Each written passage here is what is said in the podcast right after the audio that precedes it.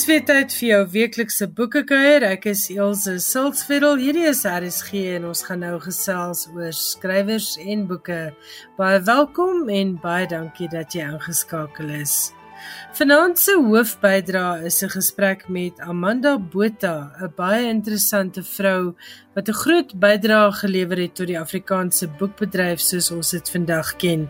Sy was joernalis, skrywer, vriend vir skrywers en boekresensent en haar werk in die skrywerswêreld is nog lank nie klaar nie. Dan het ek vir jou nuus oor Vrye Weekblad se tweede Stilbaai Boekefees en Johan Meiber gesels met ons oor die langlys vir die Dublin Literary Award, die kortlys vir die Rathbones Folio Prys en 'n nuwe boek waarin die skrywer en filosoof Martha Nussbaum geregtigheid teenoor diere bepleit. Ek hoop jy geniet die program.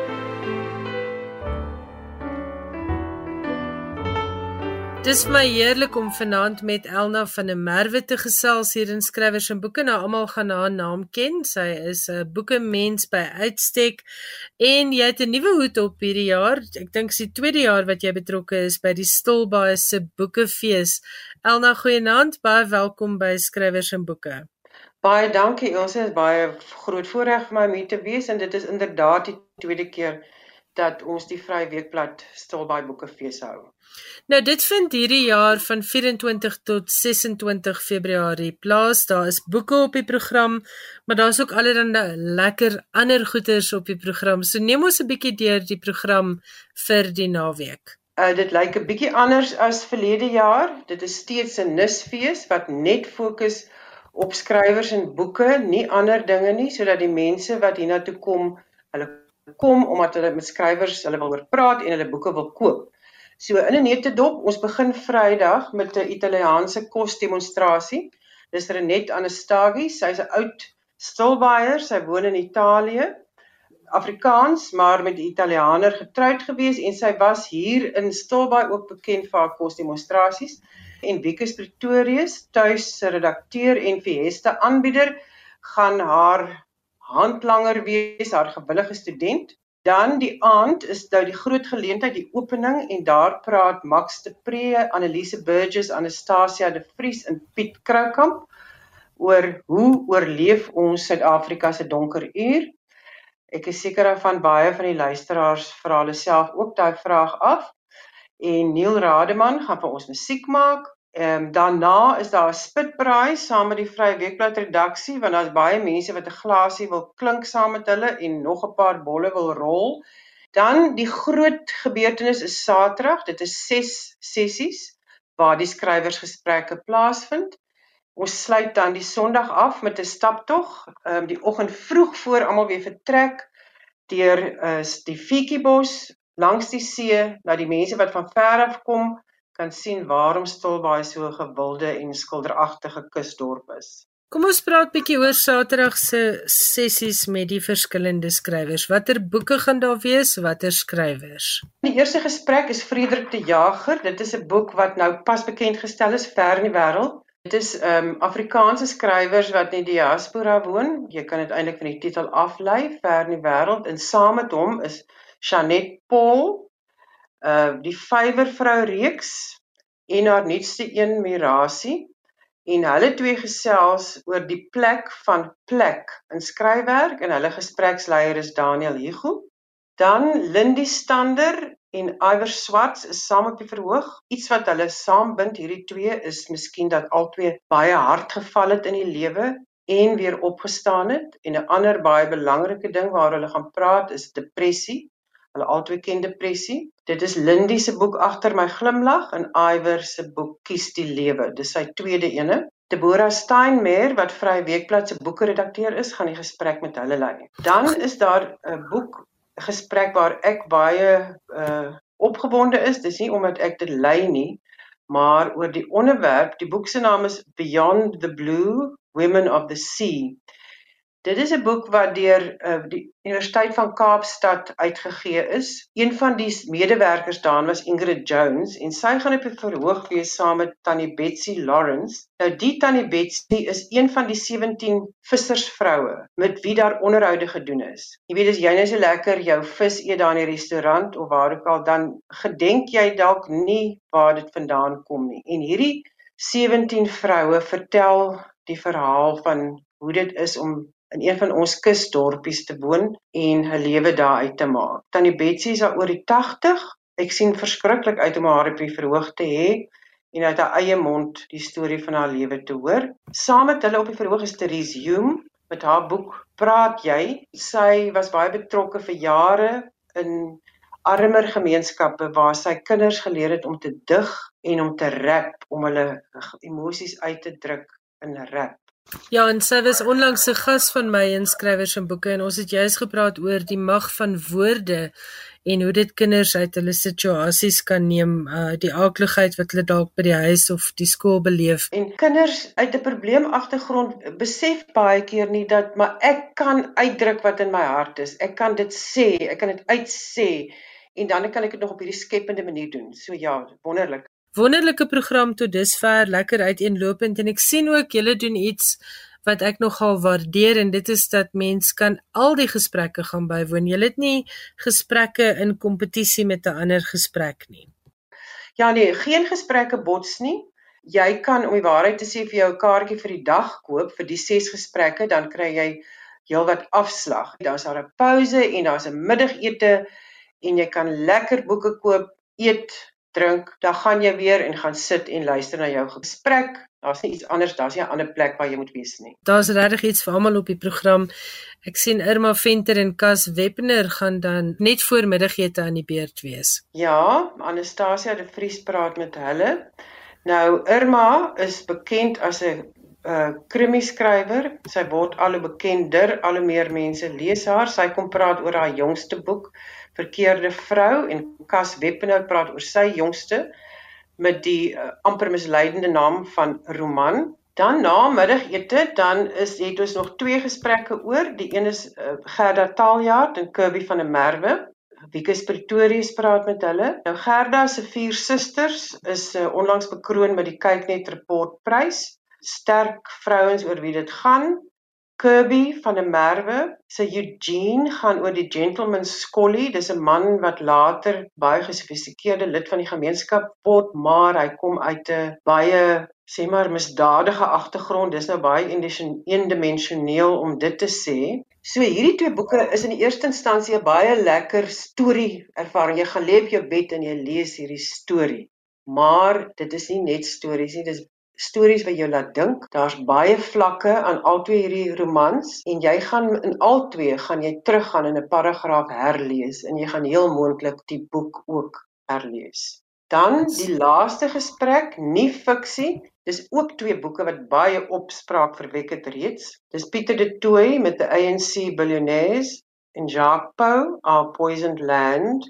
Max de Pre gaan die gesprek lei. Nou hier is dinge wat 'n mens seker vermoed, dinge wat jy weet, dinge wat jy nie weet nie. Wat ek wel weet is dat Pieter en Jacques het dinge oopgegrawe wat sekere mense dink kon gebly het en hulle is nie baie gewild daaroor nie. Die dinge wat hulle oopgegrawe het is wat 'n mens behoort te weet. So dit beloof 'n baie vurige gesprek te wees, dink ek met 'n vurige vraatyd. En 'n uh, vurige gespreksleier wat al lank betrokke is by Suid-Afrika en politiek.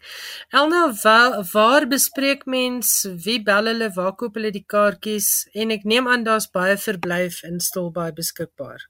Ja, daar is baie verblyf, maar ek stel voor dat mense maar nou uh, bespreek hulle blyplek Vir die fees bespreek jy by quicket.co.za. As jy graag die volledige program wil hê, kan jy 'n e-pos stuur aan stilboeke@gmail.com of as jy enige navrae het, kan jy ook vir my daar vra vra en ek sal dit graag beantwoord.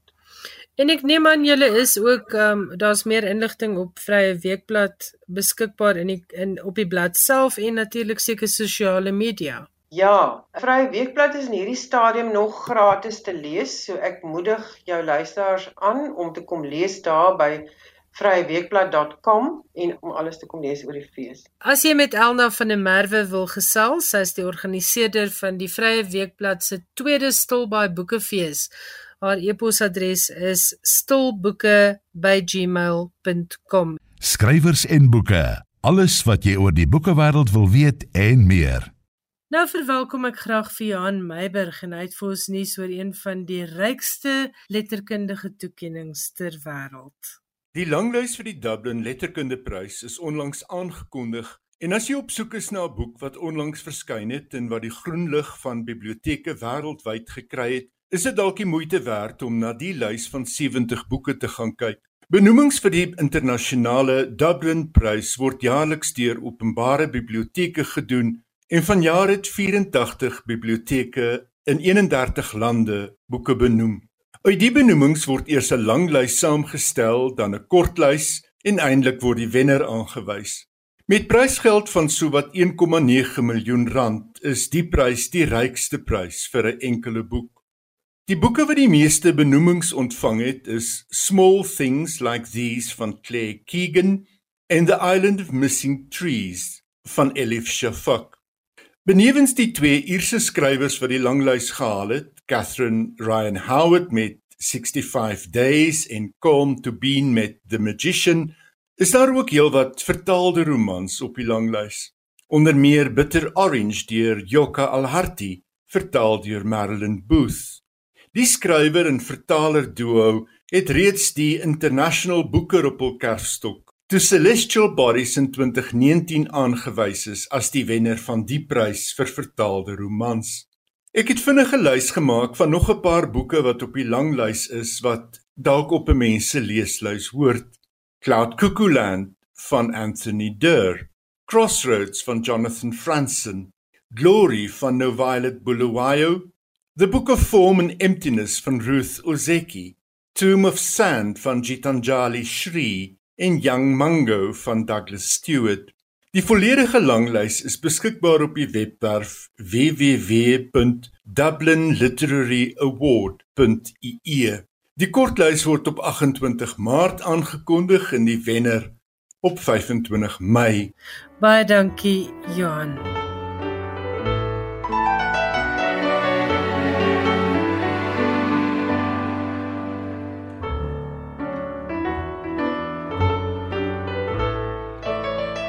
Dis vir my 'n groot voorreg om vanaand met die baie bekende boekmens Amanda Botha te gesels. Amanda, goeienaand. Baie hartlik welkom by Skrywers en Boeke. Baie dankie. Ek is baie bly om hier te kan wees.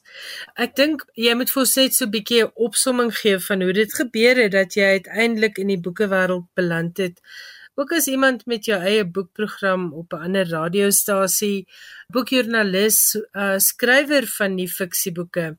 So waar het jou pad met die geskrewe woord begin? Uh, ons het in Oranjezicht in Kaapstad gewoon en ek was by die hoërskool Jan van Riebeeck en daar as 'n kind het ek alreeds met skrywers te doen gehad. Die eerste 'n uh, persoon wat ek ontmoet het in die woordwêreld was Boerneef.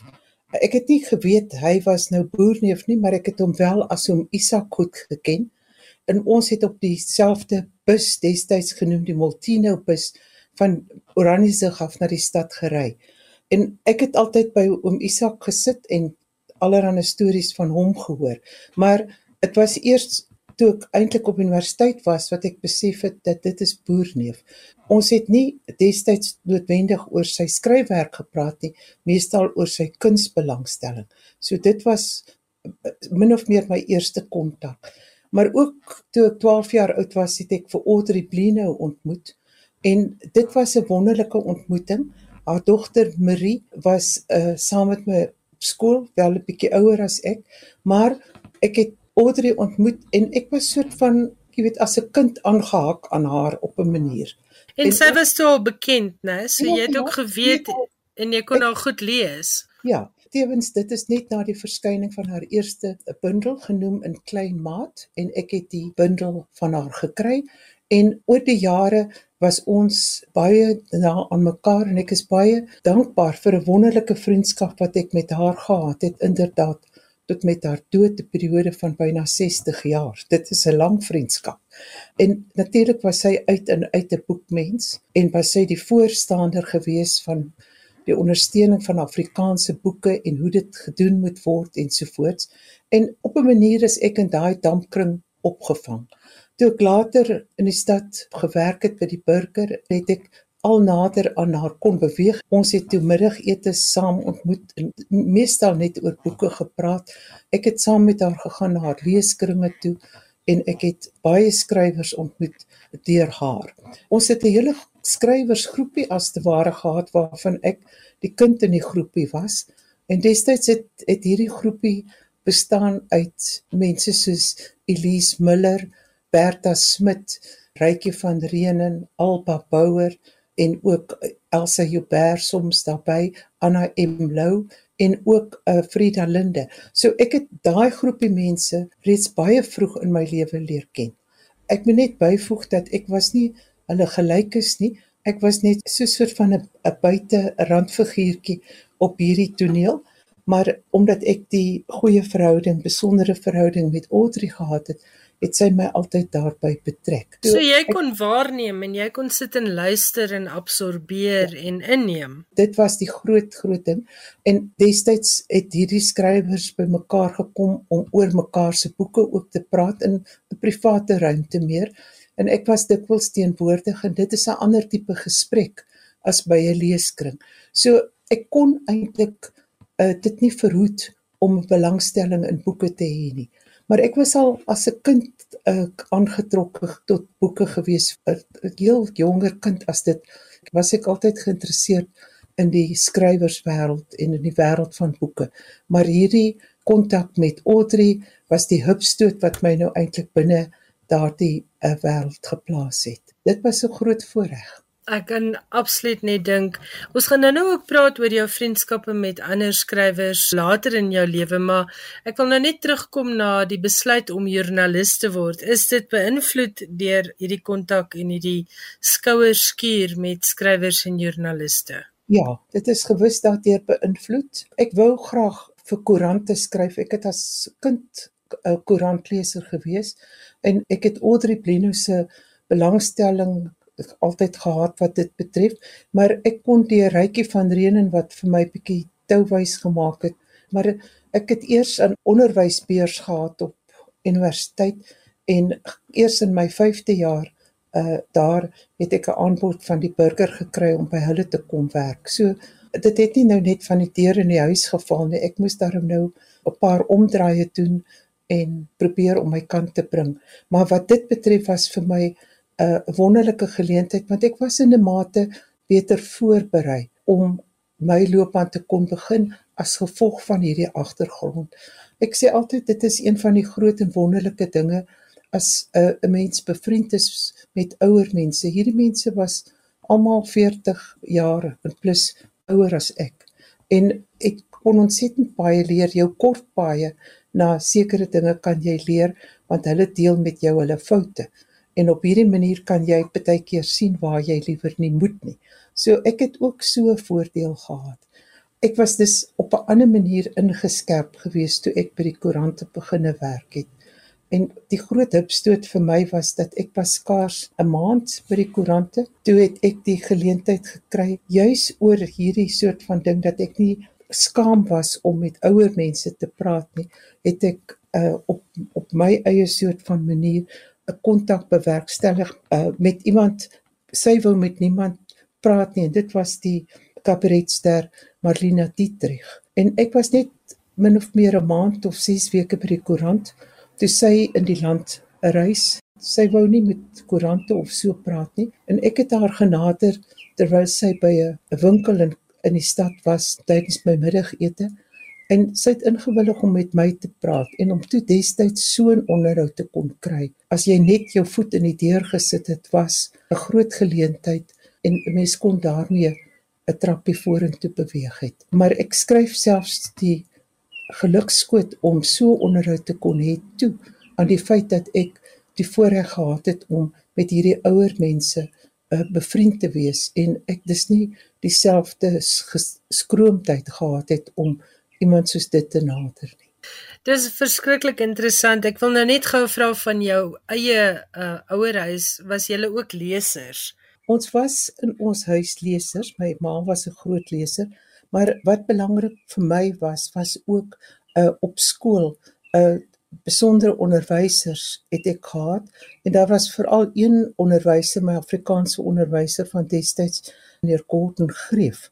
En hy het toe destyds net soort van die skoolbiblioteek aan die gang gehad en so aan en hy het my gevra om saam met hom daar te werk en dit aan die gang te kry en dit was my wonderlike geleentheid want deur hom het hy ook sekere boeke aanbeveel wat ek kon lees en wat vir my veel beteken het. Ek ek het 'n groot ereskuld aan hom verskuldig vir die wyse waarop hy my geïnspireer het en my laat glo het dat ek kon doen wat ek graag wou doen. Amanda, dan sien ek jy het ook by Kruik gewerk. So jy het toe uiteindelik in die drama wêreld beland.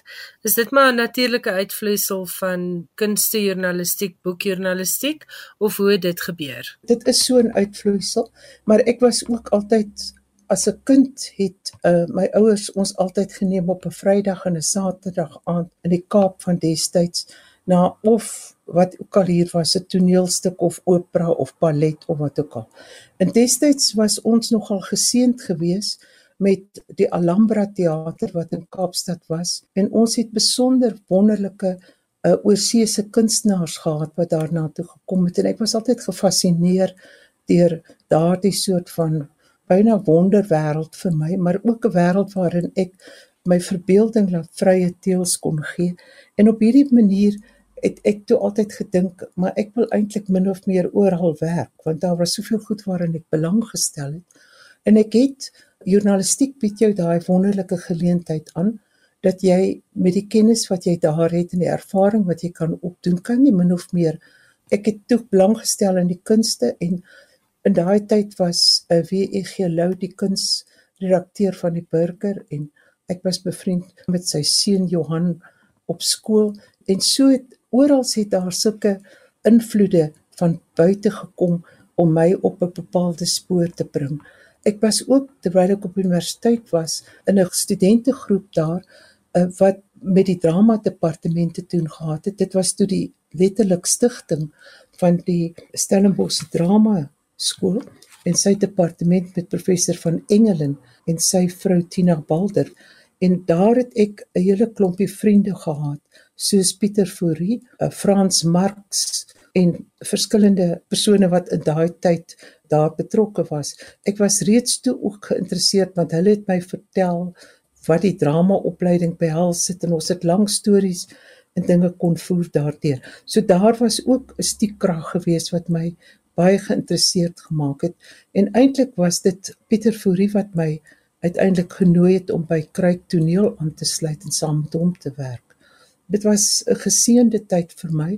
Dit was wat ek graag noem die goue eeu van Afrikaanse drama in Kaapstad, maar ook destyds in die land met Truk en Soekhofs en ander wat ook bydraes gehad het, maar veral hier met Kobus Rousseau en 'n verskeidenheid van wonderlike kunstenaars wat in daardie tyd hier was. Pieter Gildenhuys, Pieter Joubert en so sou ek 'n hele reeks mense kan opnoem insluitende Ethel Fugard en Yvonne Breisland. En Dieter Reibel wat 'n baie bekende Duitse dramaturg was wat baie werk in Suid-Afrika kom doen het. Presies, die samewerking met Reibel vir die koning Lear was 'n baie beslissende invloed in my lewe gewees. En daarna met die politieke draaie en swaaye van destyds is die Space Theater gestig waarin uh, Brian Ashbury en Yvonne Breisland betrokke was met Ethel Fugard en hulle het my gevra om deel te word van die eerste span wat nou by die, die Space betrokke was. En so kon ek toe nou daar weer op 'n ander deentjie sing En eintlik ek het nêrens nog in my lewe aansoek gedoen vir 'n werk nie. Ek het altyd op een of ander manier in 'n werk beland. Ek weet nie mooi hoe om dit te beskryf nie, maar miskien is dit die ordentlike manier om dit te sê. Jy het ook vir Kruik Opera gewerk en dan het jy baie baie geskryf oor opera, ballet en al die vertakkings van die kunste wat ook uiteindelik gelei het tot boeke. So vertel vir ons 'n bietjie van jou betrokkeheid by hierdie ander aspekte van die teaterwêreld. Ek het reeds vroeër genoem dat ons het 'n wonderlike geleentheid gehad as kinders destyds om by die Alhambra teater 'n magiese plek met 'n donker plafon met sterreliggies en dan sit ons in verwondering en kyk na hierdie wonderlike kunstenaars wat voor ons opgetree het uh die Royal Ballet en al die soort geselskappe was hier op besoek alles wat die skepende kunste en die uitvoerende kunste het my altyd geïnteresseer. Ek het toe by die opera departement gewees en dit was ook 'n wonderlike periode met uh, Marie Dikkie wat toe die artistieke direkteur was met wonderlike kunstenaars wat uh, daar verteenwoordig was. Daar was ek genooi deur uh, Marie Dikkie om aan te sluit en wat 'n wonderlike geleentheid het ons gehad om die eerste groot operas van Wagner en Richard Strauss ensovoorts te kon aanbied met wêreldberoemde sangers wat hierna toe gekom het. En ek het 'n lang vriendskap gehad met Phyllis Spira, uh, die ballerina toe sy na die Royal Ballet teruggekeer het na Suid-Afrika en haar loopbaan altyd gevolg en naby haar gewees en was betrokke ook by Kruik Ballet en gevolglik kon ek toe uiteindelik 'n boek doen oor Phyllis Spira waaroor ek baie dankbaar is want sy was een van die werklike groot kunstenaars in vandag se terme word maklik gepraat van supersterre ensovoorts maar sy was 'n ballerina assoluta wat 'n eretitel is wat wêreldwyd erken word vir mense wat onder die bestes van die heel bestes is en vir my om 'n periode van omtrent 30 jaar met Phyllis te kon hê was 'n wonderlike geleentheid. So ek kan net getuig van seëninge en en voorregte wat ek daaruit gehad het. Maar jy het baie ook teruggesit en jou boek oor Phyllis Spira was die eerste van vele boeke. Ek gaan nou net hier op die lysie af The Art of Herman van Nazareth. Dit is in België uitgegee. Die Engel deur my kop wat 'n samestelling was van Sheila Cousins se werk, 'n versamelbundel dan was daar nog 'n uh, 'n versamelbundel oor Sheila Cousins se werk, 'n uh, Awesome van Ekstase Conversations at the Cape. Dit is iets wat jy saam met Sir Lawrence van der Post gedoen het. Marjorie Wallace se Drif en Vreugde. Dit is 'n biografie oor Marjorie Wallace waarby jy betrokke was. Dan was jy ook betrokke by 'n boek oor Jan Picard en Anatomie van 'n omvormer, 'n boek deur Chris Brink. Nou vertel vir ons van hierdie besonderse vriendskappe met mense so uiteenlopend soos Sheila Cousins, um Sir Lawrence van der Post, Jan Picard. Dis mense aan verskillende kante van die spektrum. Wanneer dit oor Marjorie en sulke mense is, moet ek miskien sê ek het vroeër genoem dat ek met 'n boerneef as 'n kind bevriend was en ook tot amper met sy dood in die 60er jare. En ons gesprekke was altyd gewees oor die kuns, oor die skilderkuns. En ek het as 'n uh, skoolkind by Jan van Riebeeck op Vrydag middag altyd na die gallerye gegaan om na die kuns te gaan kyk. Ek weet na watter galery ook al met my skoolklere afgestap en dan gaan kyk ek nou na die kuns. Uh John Welts het in die Nasionale Kunsmuseum sy retrospektiewe uitstalling aangebied en ek het so 2 3 uh, Vrydae agtereenvolgend daarna gaan kyk. Hy was elke keer daar en toe ek die tweede keer daar kom, toe vra hy my hoekom sal ek nou almekaar na die galery kom? Wat kom ek nou eintlik hier doen? Toe sê ek wel ek kom eintlik net kyk oor die skilderye wat ek graag sou wil aankoop as ek eendag geld het. Hoe oud is jy toe? So 13. Maar sê hy nee wat sê hy ek moet daarvan maar vergeet maar as ek tyd het, gaan hy nou vir my wys hoe ek nie hoef my te besorg maak oor geld bymekaar maak vir skilderye nie. Hy wys my om daarna te kyk, want dan sal ek vir die res van my lewe altyd die galery van kuns in my eie hart ronddra. En natuurlik, soos jy kan verstaan, het dit 'n geweldige invloed op my gehad. En hy en ek het daar gestaan en hy het vir my verduidelik hoe om te kyk na kuns en wat om raak te sien en wat om te probeer onderskei in soverre as ek dit kon inneem, want ek was toe 13 amper 14.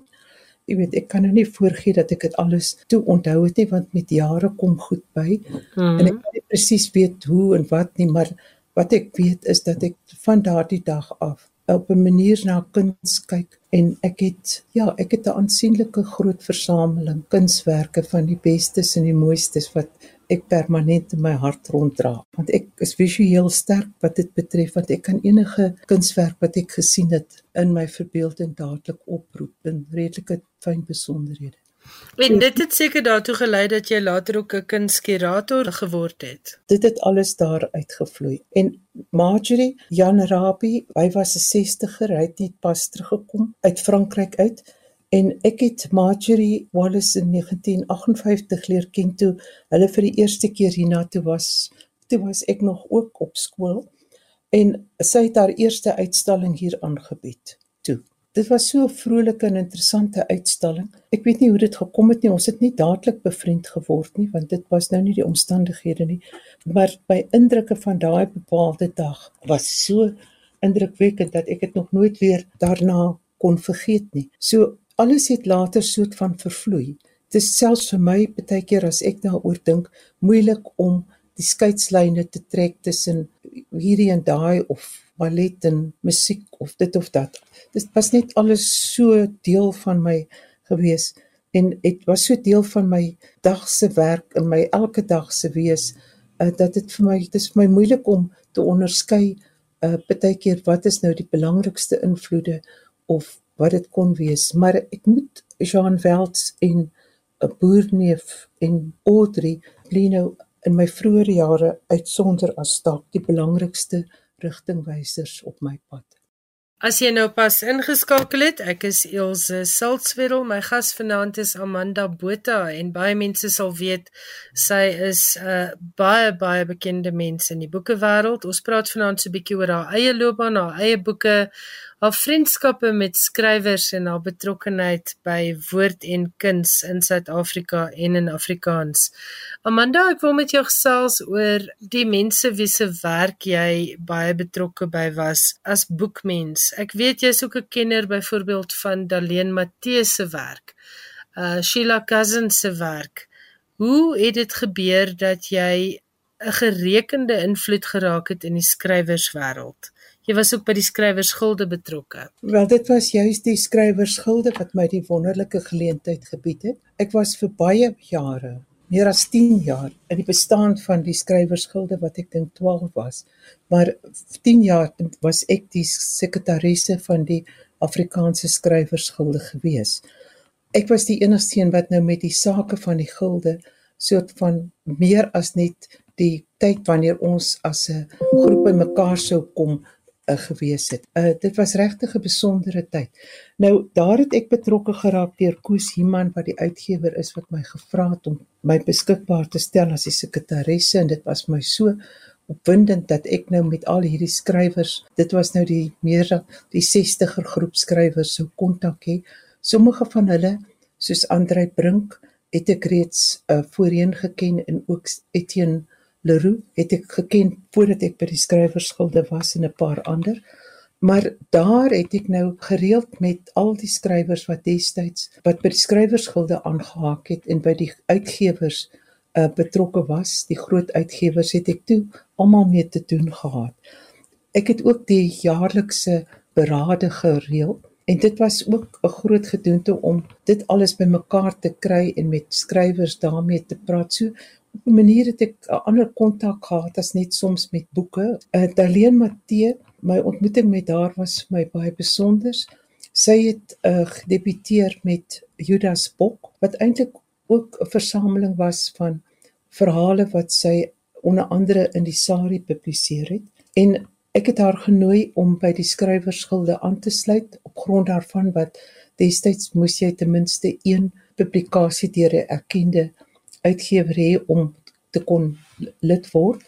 En Daleen was baie gretig en opgewonde om te kom met Judas Bok. En ek het haar toe gevra of sy by die Gordons Bay beraad van daardie jaar sou praat.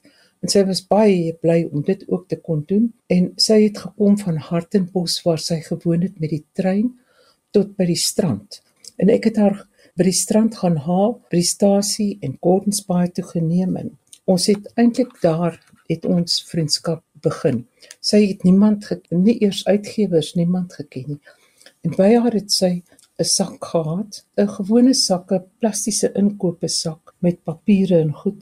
En toe die dag toe sy nou praat, het sy haarself bekend gestel as Daleen Matthee en sy het so 'n soort van met tong in die kies gesê dat al die skrywers wat voor haar sit, Andrei Brink, Elsa Joubert, uh, Etienne Leroux, Chris Barnard, wie dit ook al almal was wat daar gesit het, hulle sal nooit kan vermag wat sy gaan vermag nie. Sy het hier in die sak het sy die boek Afrikaanse letterkunde gaan nooit weer dieselfde wees nie. By daai geleentheid het hierdie nare naam gebore 'n middelmoot lektuur wat ek altyd so onnodig vind want dit het allerlei betekenisse. Daar's verskillende mense wat aanspraak maak op wie dit nou geskep het en waarom en hoe en wat en so voort. Maar dit was die oorsprong van daai woord. En dit is die neersien eintlik op ja, die soort boeke wat mense soos Daleen Matthee geskryf het. Ja, want al wat van haar toe bekend was was Judas Pop. Ja. En natuurlik was dit kringe in 'n bos wat sy toe daar gehad het en daarna was nooit weer dieselfde nie. Sy het vir my so 'n kladboek gegee, aantekeninge en dis meer wat sy nou gemaak het oor haar praatjie en die boek en so aan. En gelukkig het ek al dergelike dokumente in goed behou en dit is nou by die dokumente sentrum by die Universiteit Stellenbosch. En dis ook hoekom jy beskou word as 'n kenner op die gebied van Daleen Matthee se werk. Ek weet nie, ek is bietjie versigtig oor kenners want ek is meer bewus van wat ek nie weet nie as wat ek nou eintlik op kan aanspraak maak. Maar ek ek het met Daleen uh, ons het 'n goeie verhouding gehad. Sy was nie 'n maklike mens om mee reg te kom nie, maar ek en sy het mekaar gevind in reg gekom. Ehm um, heel aan die einde van haar lewe het ek haar gebel om te vra of ek haar kan kom sien want ek wou gehad het sy moes by die woordfees op Stellenbosch optree en toe ek nou daar kom toe sê sy val sy weg en sy vertel vir my sonder om vir my te sê waarom en sonder dat ek 'n notaboek of enigiets het want ek het nou eintlik gekom vir so 'n sosiale geselsie vertel sy toe vir my van die boek waarmee sy nou skryf en ek moet nou luister want sy gaan vir my sy's nog nie klaar met die laaste hoofstuk nie maar sy gaan dit nou vir my vertel en hoe dit moet eindig. En sy vertel my 'n lang storie vir geen rede nie want sy was nog nooit so vrygewig oor inligting van die aard in elk geval nie met my nie toe ons daar groet, het ons gaan eet en 2 weke later is sy oorlede. En die boek ter sprake? En die boek was die uitgespoeldes. 2 weke nadat ek daar by haar weg is, was ek by haar begrafnis gewees. Ja. Toe ek ehm um, knap eh uh, Suzette Meiberg Kotse het toe uh wat ons wat ek van geweet het en wie almal nog van geweet het en so aan het almal bymekaar gesit En Daleen het 'n groot end aan daai hoofstuk wel gewerk gehad, maar daar moes nog 'n paar goed bykom en en Suzette Meiberg kots het 'n baie netjiese werk daarvan gemaak om die boek so naas moontlik te bring aan hoe Daleen dit sou wou gehad het. Dis baie interessant. Ek wil vir jou vra oor Sheila Cousins. Het julle bevriend geraak nadat sy teruggekom het Suid-Afrika toe? Ja, op haar eerste tog hiernatoe was in 78, ek is nou nie seker of dit 8 of 77, maar toe sy hiernatoe gekom het, het sy gekom met die uitnodiging uh, van die SAIK destyds. Daar was 'n groot boekveiling en dit was ook die opening geleentheid van die Afrikaanse taalmonument in die Parel. Ek het haar hier in Kaapstad by 'n funksie ontmoet en sy was by die geleentheid by die SAIK want sy het geweier om destyds na die Afrikaanse Taalmonument se opening te gaan want sy het ook haar bepaalde politieke idees gehad oor wat kan en kan nie.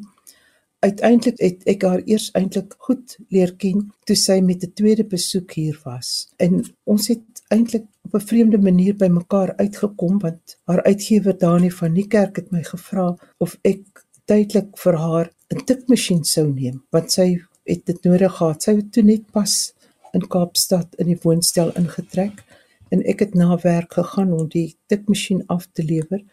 En ek weet nou nie hoe nie maar voordat ons weer voordat dit weer is um was daar meer as net 'n tikmasjien waarby ek toe betrokke geraak het. En die ontmoeting het 25 jaar geword. 26 jaar het ek haar geken Jy weet sy was 'n persoon wat broos was vanweë haar fisiese omstandighede en sy was nie net broos fisies nie, maar sy was ook afhanklik. En um, ek het 'n betrokkeheid by haar gehad. Ek en toe later 'n uh, Herman laat te gaan en tussen ons twee het Sheila vir 'n lang ruk ehm um, reggekom. Herman het vir haar gehelp met allerlei goed en ek het goed bestuur en so voort. En hy was nog 'n jong seun daai tyd as ek reg onthou.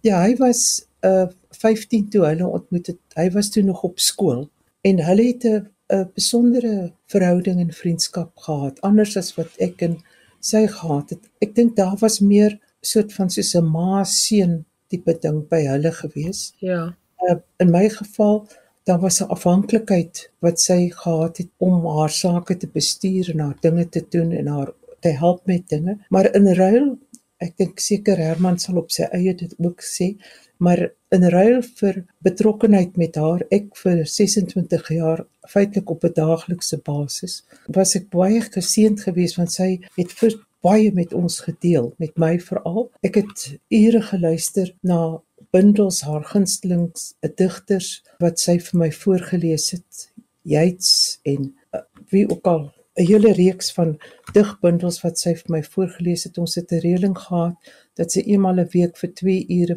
vir my voorlees wat sy wou en my baie geleer. Ek het eintlik vreeslik baie ek ontsettend baie van haar geleer want sy was 'n intellektuele reus gewees en insigte in die filosofie en as mistikus en sy was ook 'n simbolis en sy was 'n kenner van die Jungiaanse sielkunde ensovoorts. So en natuurlik was sy 'n kunstenaar en 'n digter, 'n baie besondere mens. En ons het uiteenlopende gesprekke gehad oor 'n verskeidenheid van dinge. Dit was as gevolg van haar siekte omstandighede kon sy nie altyd alles doen soos sy dit wou hê nie, maar ek was al byvoorbeeld daar gewees dat ek die gedigte wat sy in haar kop gekomponeer het, soos sy dit gestel het, vir haar neerskryf dat sy dit aan my dikteer sodat ek dit vir haar kan neerskryf en dan het sy dit later in vorm geplaas. En ek het dikwels geluister, ek was 'n baie swak eerste luisteraar van haar werk want ek was nie in staat om kritiek daartoe te spreek nie, maar sy het altyd vir my eers haar gedigte voorgeles en dan daarna met uh, Marie Opperman was eintlik haar persoon wat haar gelei het wat dit betref. En deur haar het ek ook nou weer 'n ander groepering van mense ontmoet die mense wat nou destyds in Holland was wat nou in Suid-Afrika hier was. So van oral af was daar 'n stroom van mense wat ek op een of ander manier kon ontmoet het as gevolg van my vriendskap met verskillende mense, maar in hierdie geval spesifiek met Sheila. Net jy dit al oorweeg om 'n boek te skryf oor hierdie merkwaardige mense wat almal deel was van jou lewe, want ek dink uit alles wat jy vertel, hierdie was 'n merkwaardige klomp vriendskappe. Dit was ek was baie geseënd en bevoorreg om dit te kon hê. Ek is baie bewus daarvan. Ek kan sê dat Sheila het uh, ons het gepraat dat as daar ooit 'n 'n biografie oor haar sou wees, het sy vir my gedikteer, jy weet vir my gewys wat alles daar kan inkom en vir my goed gegee en altyd gesê dat as ek so iets sou wil inpak, moet ek die onderneming gee dat ek so sê dit gesê het huitjie en mytjie alles sal noem en alles sal beskryf. Maar ek het al verskeie pogings aangewend en het baie materiaal daarvan maar ek, ek dink ek is nou eers miskien gereed om dit te doen want ek het besef hoeveel ek nog self moes leer en die afstand wat ek moes kry tussen my en Sheila om op 'n manier ook vir haar op 'n ander manier te verstaan as wat ek nou op die oomblik vir jou verduidelik het. En ek sal hoop om hierdie jaar dit aan te pak en te probeer afrond. Wat my eie goed betref, was ek nog altyd so besig met ander mense en hulle dinge dat ek nog nooit gedink het ek op sigself is nou eintlik van belang wat dit nou betref nie. So ek kan eerlik sê dat ek nog nie beplanning gemaak het om nou eintlik oor dit te skryf nie. Wel, ek wil jou vra doen dit want dit klink vir my jy loop met 'n klomp klomp stories in jou wat ons as boekmense gaan geniet. Maar ek wil ook vir jou vra jou eie boekprogram en dit wat jy lees en sien rondom jou, hoe sien jy die stand van boeke in 2023? Jy het nou 'n lang pad in die boekbedryf gestap het. Van aard is ek optimisties, so ek wil graag dink, jy weet 'n meer optimistiese beeld daarvan hê, maar my ervaring in die afgelope ek wil dit nie net aan die COVID tyd toeskryf nie, alhoewel ek dink dit het wel 'n invloed gehad, maar ek is werklik bekommerd en besorgd oor waar ons Afrikaanse boekbedryf op die oomblik onsself in bevind. Dit is vir my ontstellend om te dink dat daar 'n geweldige afname in werklike goeie literatuur is. Jy weet werke van kunsgehalte ook. Ek verstaan dat almal dit nie lees nie ensovoorts, maar Afrikaans as so soepel en wonderlike taal kan en het in die verlede sulke werk geskep en daar is nog mense wat dit kan doen, maar dit is 'n toenemend minder groepering van mense. Ek het nie daarteen nie want ek is gekant teen die feit dat 'n mens mense moet vertel wat hulle moet lees of nie kan lees nie. Snobisme in die boekbedryf dit is nie my soort manier om daarna te kyk nie, maar ek is tog bekommerd oor 'n populisme wat in die boekbedryf ingekom het. Toevallig het ek nou die afgelope maand, 2, 3 weke gelede beginne en gekyk na hoe ver ek nou dit kan kry wat beoog word om uitgegee te word in die Afrikaanse letterkunde in hierdie jaar en ek het my hande saamgeslaan om te dink dat die uitgewers met redes wat hulle gewis seker het maar dat hulle nie 'n groter rol speel om sekere werk te bevorder nie. Daar is vir my te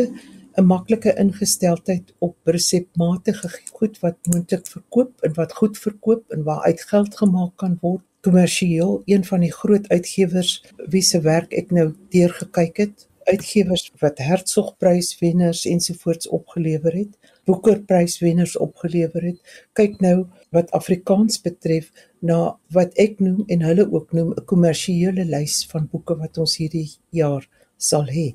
Ek het niks teen die skrywers of so nie. Dit besorg my dat ons werk na die gemiddelde deler toe waar kwaliteit en waar literêre waarde geringer geskat word, gering geskat word, onderskat word en eintlik op 'n manier selfs die rug toegekeer word. Uh, dit is moeilik om daai boeke uit te gee.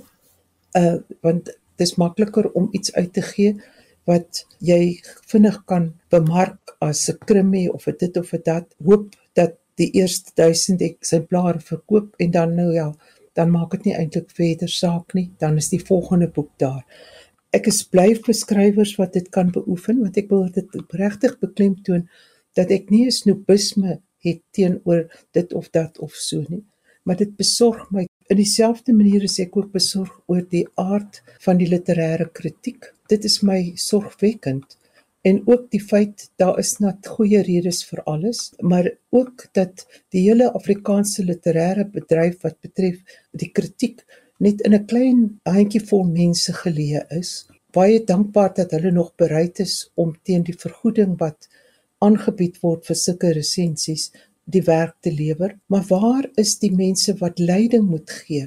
Waar is die literatore? Hoekom skryf hulle nie meer resensies nie? Hoekom is hulle nie op die voorpunt om 'n nuwe rigting aan te dui of mense op tendense bewus te maak nie? Waar is hulle? En ek weet nie hoe om dit te beantwoord nie, want ek weet ook dat in die begin van die 70er jare was daar 'n soortgelyke besorgdheid geweest toe Elise Botha 'n stuk geskryf het oor wat het geword van literêre kritisie. Nou ek wil ook eintlik weer by 2023 vra, waar is hierdie mense? Ek verstaan dat hulle sou sê dat die geld wat aangebied word vir so werk nie die moeite werd is nie en dit en dat. Maar moet dit net oor geld gaan?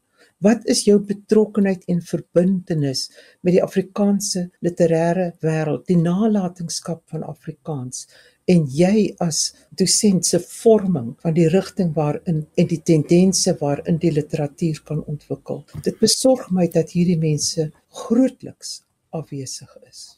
En so sê Amanda Botha, Amanda was my gas vanaand in skrywers en boeke. Baie baie pertinente vrae wat jy daar gevra het Amanda.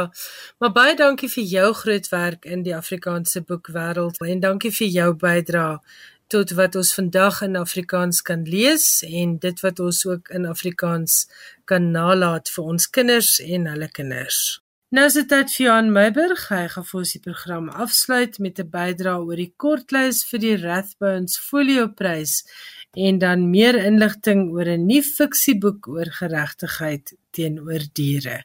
Hier is Johan. Die Britse Rathbones Folio Prys word al sedert 2017 in drie kategorieë toegekend: fiksie, nie-fiksie en poësie. Vanjaar verander die formaat van die prys in die opsig dat wenners in al drie kategorieë aangewys word en uit die drie wenners word die algehele wenner dan aangewys. Die kategorie wenners kry sowat R40000 elk en die algehele wenner verdien 'n verdere R640000.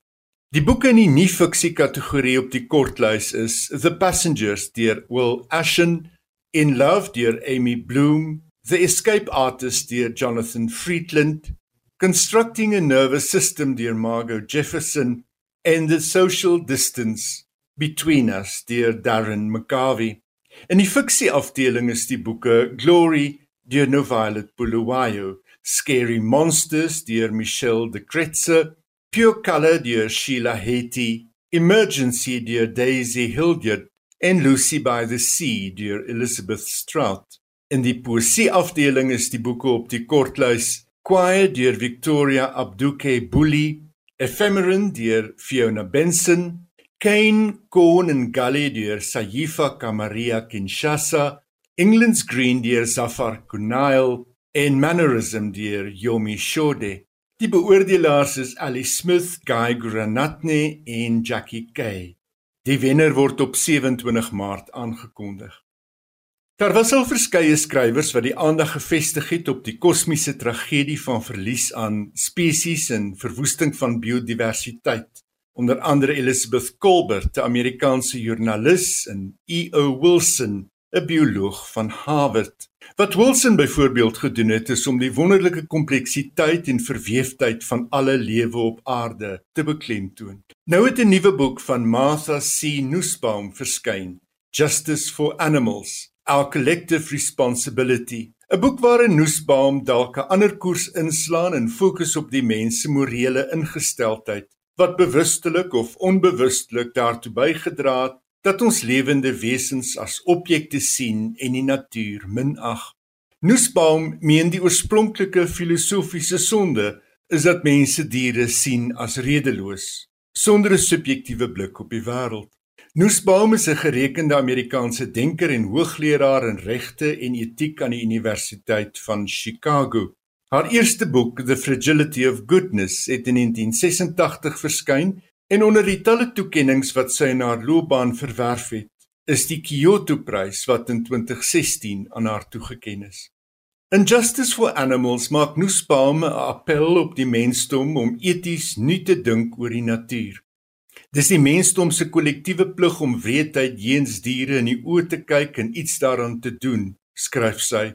Sy steun sterk op haar agtergrond in filosofie en duins nie terug om moeilike vrae te stel nie.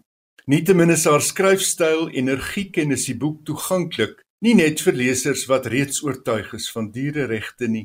Op haar onderhoudende manier skryf sy sodat 'n mens as dit ware met nuwe oë en verwondering na die diereryk kyk. Justice for Animals: Our Collective Responsibility deur Martha C. Nussbaum word in die FSA uitgegee deur Simon & Schuster.